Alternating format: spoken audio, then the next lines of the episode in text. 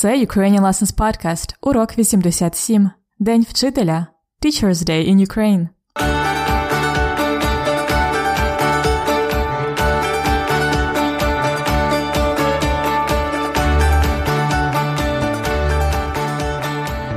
Добрий день! Мене звати Анна, і ви слухаєте подкаст для всіх, хто вивчає і любить українську мову.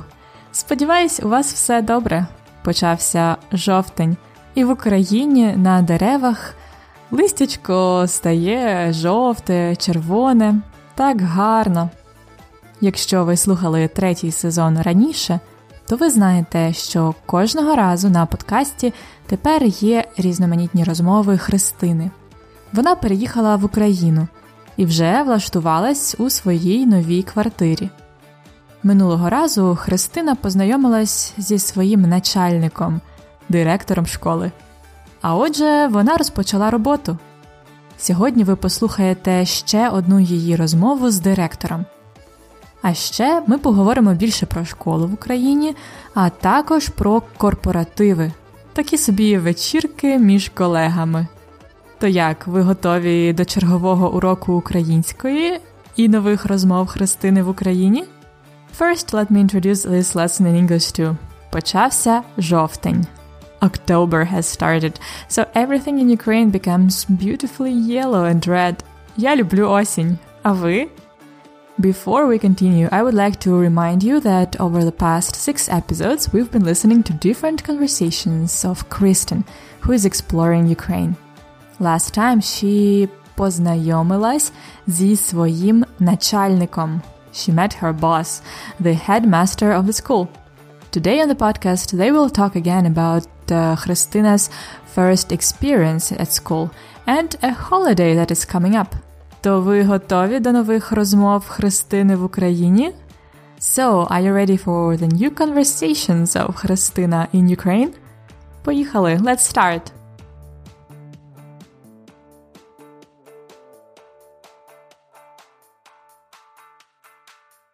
Цього тижня в українських школах буде особливе свято День вчителя The Teacher's Day. Ви знаєте, коли це свято святкують?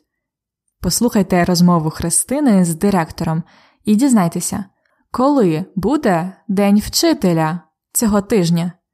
У який день тижня? Коли буде День вчителя? Слухайте діалог.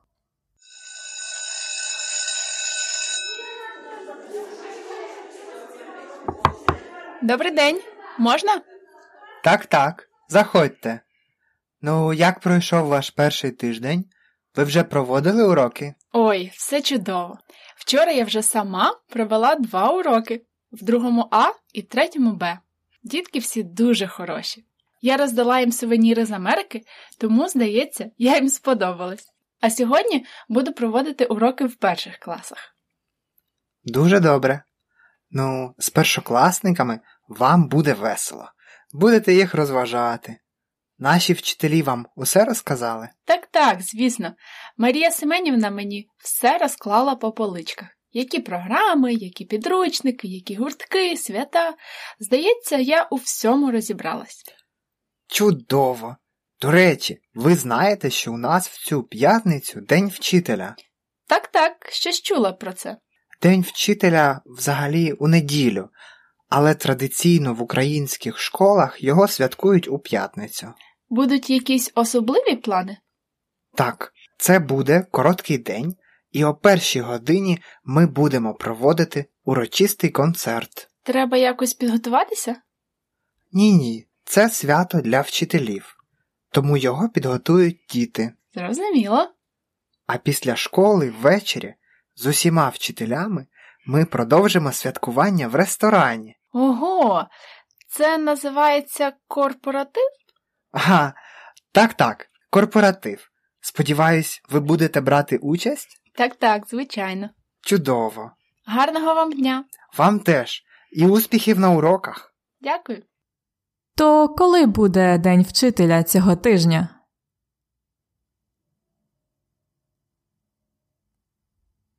Коли буде День вчителя? У п'ятницю чи у неділю? Не все так просто. Олег Іванович, директор школи, каже, що День вчителя взагалі у неділю, але традиційно в українських школах його святкують у п'ятницю. Тобто День вчителя взагалі, generally, у неділю, у першу неділю жовтня. Але традиційно в українських школах День вчителя святкують It's celebrated у п'ятницю. Чому? Тому що школи не працюють у неділю. Ось так. А тепер згадаємо, про що була розмова. На початку ви почули дзвінок. Дз продзвенів дзвінок. A bell. Дзвінок. Це слово звучить як дзвінок. Дзвінок. Дзвінок означає початок або кінець уроку. Директор спитав у Христини, як у неї справи. Вона сказала, що все чудово, вона вже провела уроки в другому А і в третьому Б. Це назви класів в Україні. Другий клас А, другий клас Б і другий клас В. Буває 2, 3, 4 класи. Далі Христина буде проводити уроки в перших класах. Христина вже дізналася, які програми є, які підручники. Це їй розказала Марія Семенівна, українська вчителька. Також ми дізнались, що в школі цього тижня буде День вчителя. Але вчителям не треба особливо готуватись. Свято підготують діти.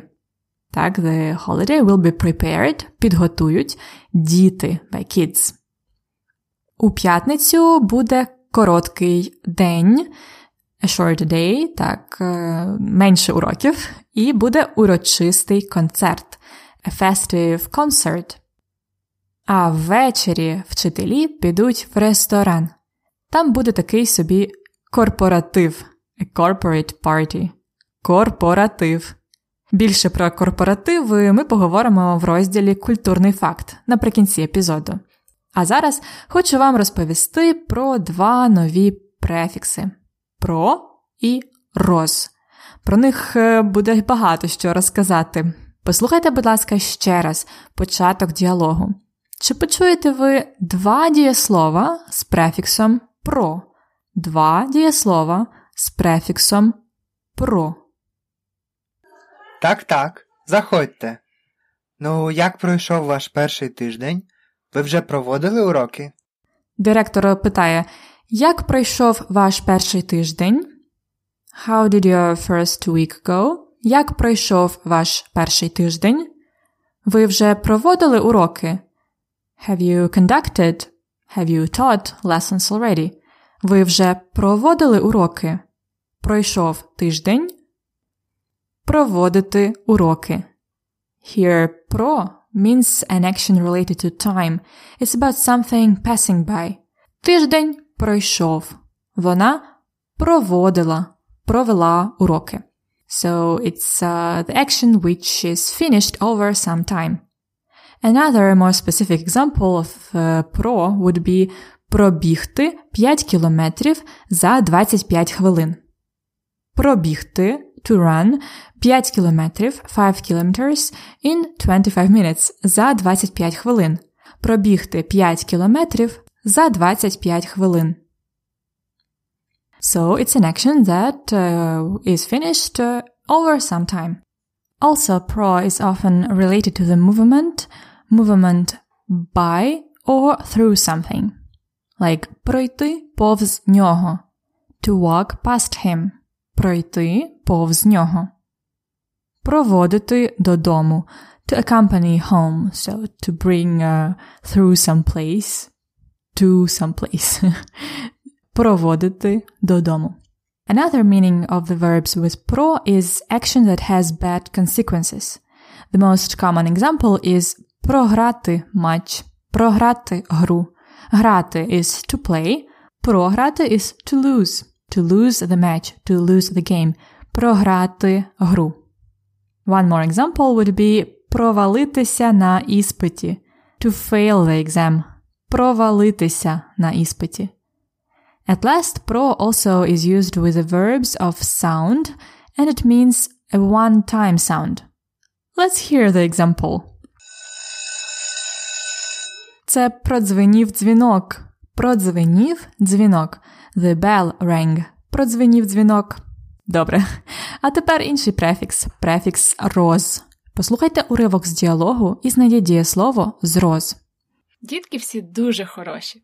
Я роздала їм сувеніри з Америки, тому, здається, я їм сподобалась. Христина роздала діткам сувеніри з Америки. She gave out the souvenirs from the United States to the kids. Дати, you know, to give. Роздати, to give out, to distribute. Here, роз means action concerning different pieces, different parts. Роздати дітям цукерки is to give out the candies to the kids. Another example is розрізати торт, to cut the cake. So the, uh, the result is pieces. Розрізати торт. Also, роз is used uh, when the action goes to different places, like розкласти книги на столі.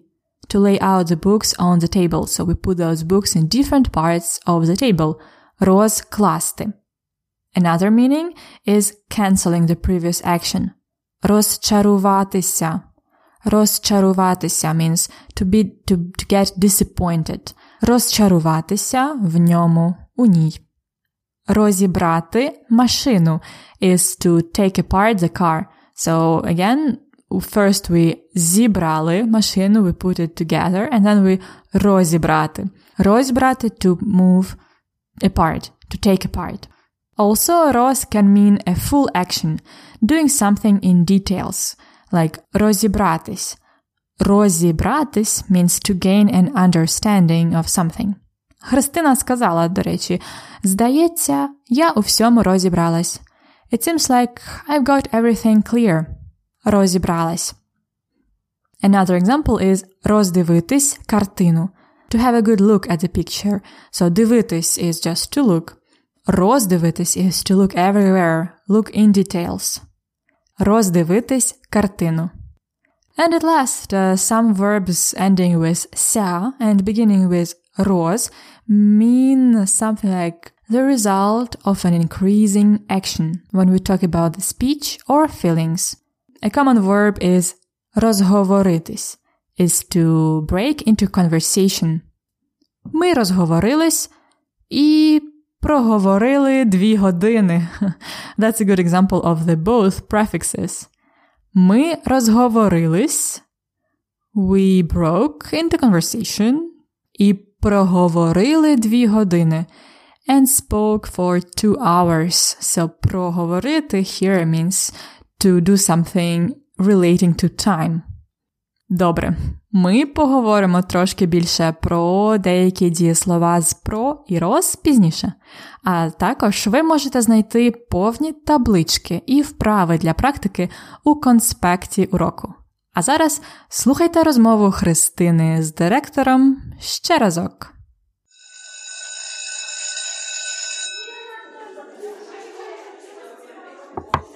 Добрий день. Можна? Так, так, заходьте. Ну, як пройшов ваш перший тиждень? Ви вже проводили уроки? Ой, все чудово. Вчора я вже сама провела два уроки в другому А і третьому Б. Дітки всі дуже хороші. Я роздала їм сувеніри з Америки, тому, здається, я їм сподобалась. А сьогодні буду проводити уроки в перших класах. Дуже добре. Ну, з першокласниками вам буде весело. Будете їх розважати. Наші вчителі вам усе розказали? Так, так, звісно. Марія Семенівна мені все розклала по поличках. Які програми, які підручники, які гуртки, свята.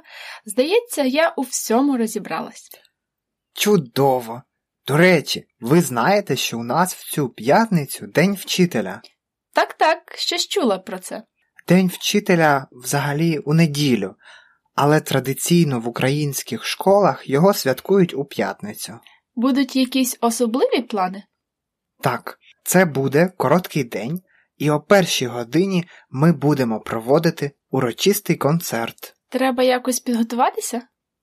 Ні, ні, це свято для вчителів. тому його підготують діти. Зрозуміло.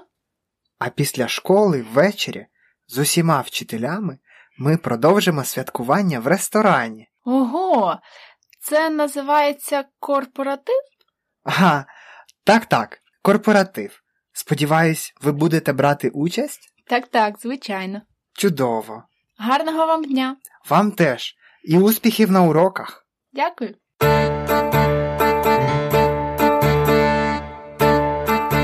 Дієслово дня. Дієслово дня сьогодні з префіксом про. Проводити.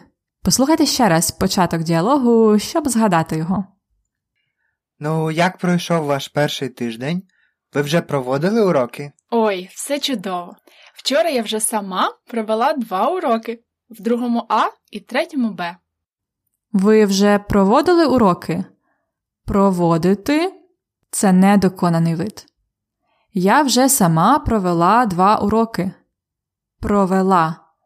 Провести це доконаний вид. Проводити.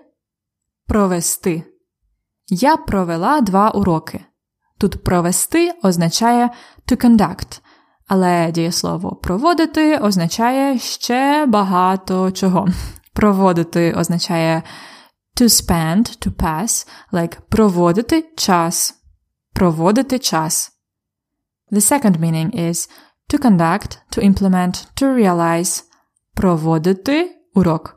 Проводити концерт. The third meaning to install, to put, like uh, it's quite precise. It's about electricity or gas, something you put all around place, like проводити газ.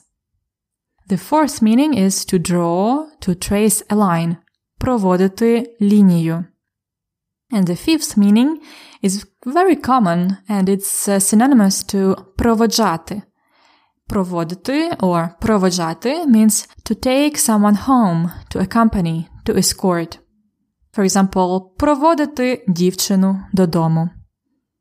And that would mean проводити by walking, like to take someone home by walking just to accompany someone because it's dark and scary. Проводити додому. Проводити у формі теперішнього часу має маленьку зміну. Я проводжу. We have ж. Я проводжу. Я часто проводжу час з друзями. Але ти проводиш. Він проводить. Яка це дієвідміна? Це друга дієвідміна. Иш ить. Тому ми проводимо. Ви проводите. Вони проводять. Друга дієвідміна. Запам'ятайте ще раз різницю між недоконаним і доконаним видом. Він часто проводить її додому. Часто проводить. Можеш провести мене додому? Один раз. Провести. As always, you can find the one-page table of all the forms of this verb and an exercise to practice at the lesson notes. Фразеологізм дня. Послухайте уривок діалогу з фразеологізмом дня. Наші вчителі вам усе розказали? Так, так, звісно. Марія Семенівна мені все розклала по поличках. Які програми, які підручники, які гуртки, свята. Здається, я у всьому розібралась. Фразеологізм дня розкласти по поличках. Розкладати по поличках. Literally to put on the shelves. Розкладати. Розкласти. As we said before, it's to put in different places. To put something in different places. Розкласти по поличках means to break something down, to make things clear, to compartmentalize. I haven't known this verb before. I checked in the dictionary.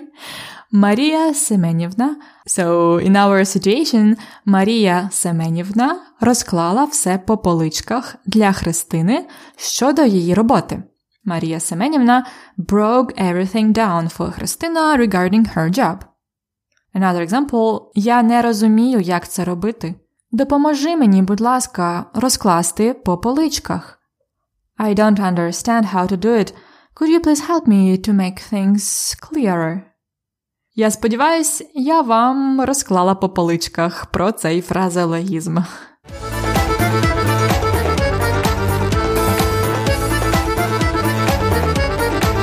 Культурний факт на подкасті. Let's talk about корпоративи. Корпоратив is probably a new word in Ukrainian. But as far as I know, Ukrainians have always liked to spend some time out of work with their colleagues. The most common way to do it is to organize korporativ, a small or big informal gathering of people from the same office, school, or project at work. Usually, колеги would meet at the restaurant, organize a party, or do some other fun stuff together like bowling, karting, paintball, or traveling. There are two main reasons for корпоратив. It's Christmas season or a professional day. Like we have День вчителя, the Teacher's Day on the first weekend of October, there are special days for nearly every profession, like the Photographer Day, the Programmer Day, День фотографа, День програміста, or very widely celebrated День студента, the Student's Day. Honestly, I cannot tell you much about корпоративи because, unlike Kristin, I've never been to one in Ukraine.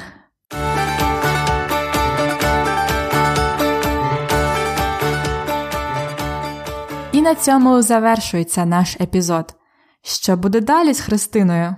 Дізнайтеся в наступних епізодах подкасту Ukrainian Lessons. Якщо ви підписалися на преміум, то обов'язково завантажте собі конспект уроку The Lesson Notes. Там ви можете знайти діалог українською, англійською, а також таблиці, словничок і вправи. Якщо ви ще не підписалися на преміум, запрошую вас це зробити. If you're not yet a premium member, I invite you to find out more about its benefits at ukrainianlessons.com slash episode 87. ukrainianlessons.com slash episode 87. Чудової вам погоди і всього найкращого! До середи!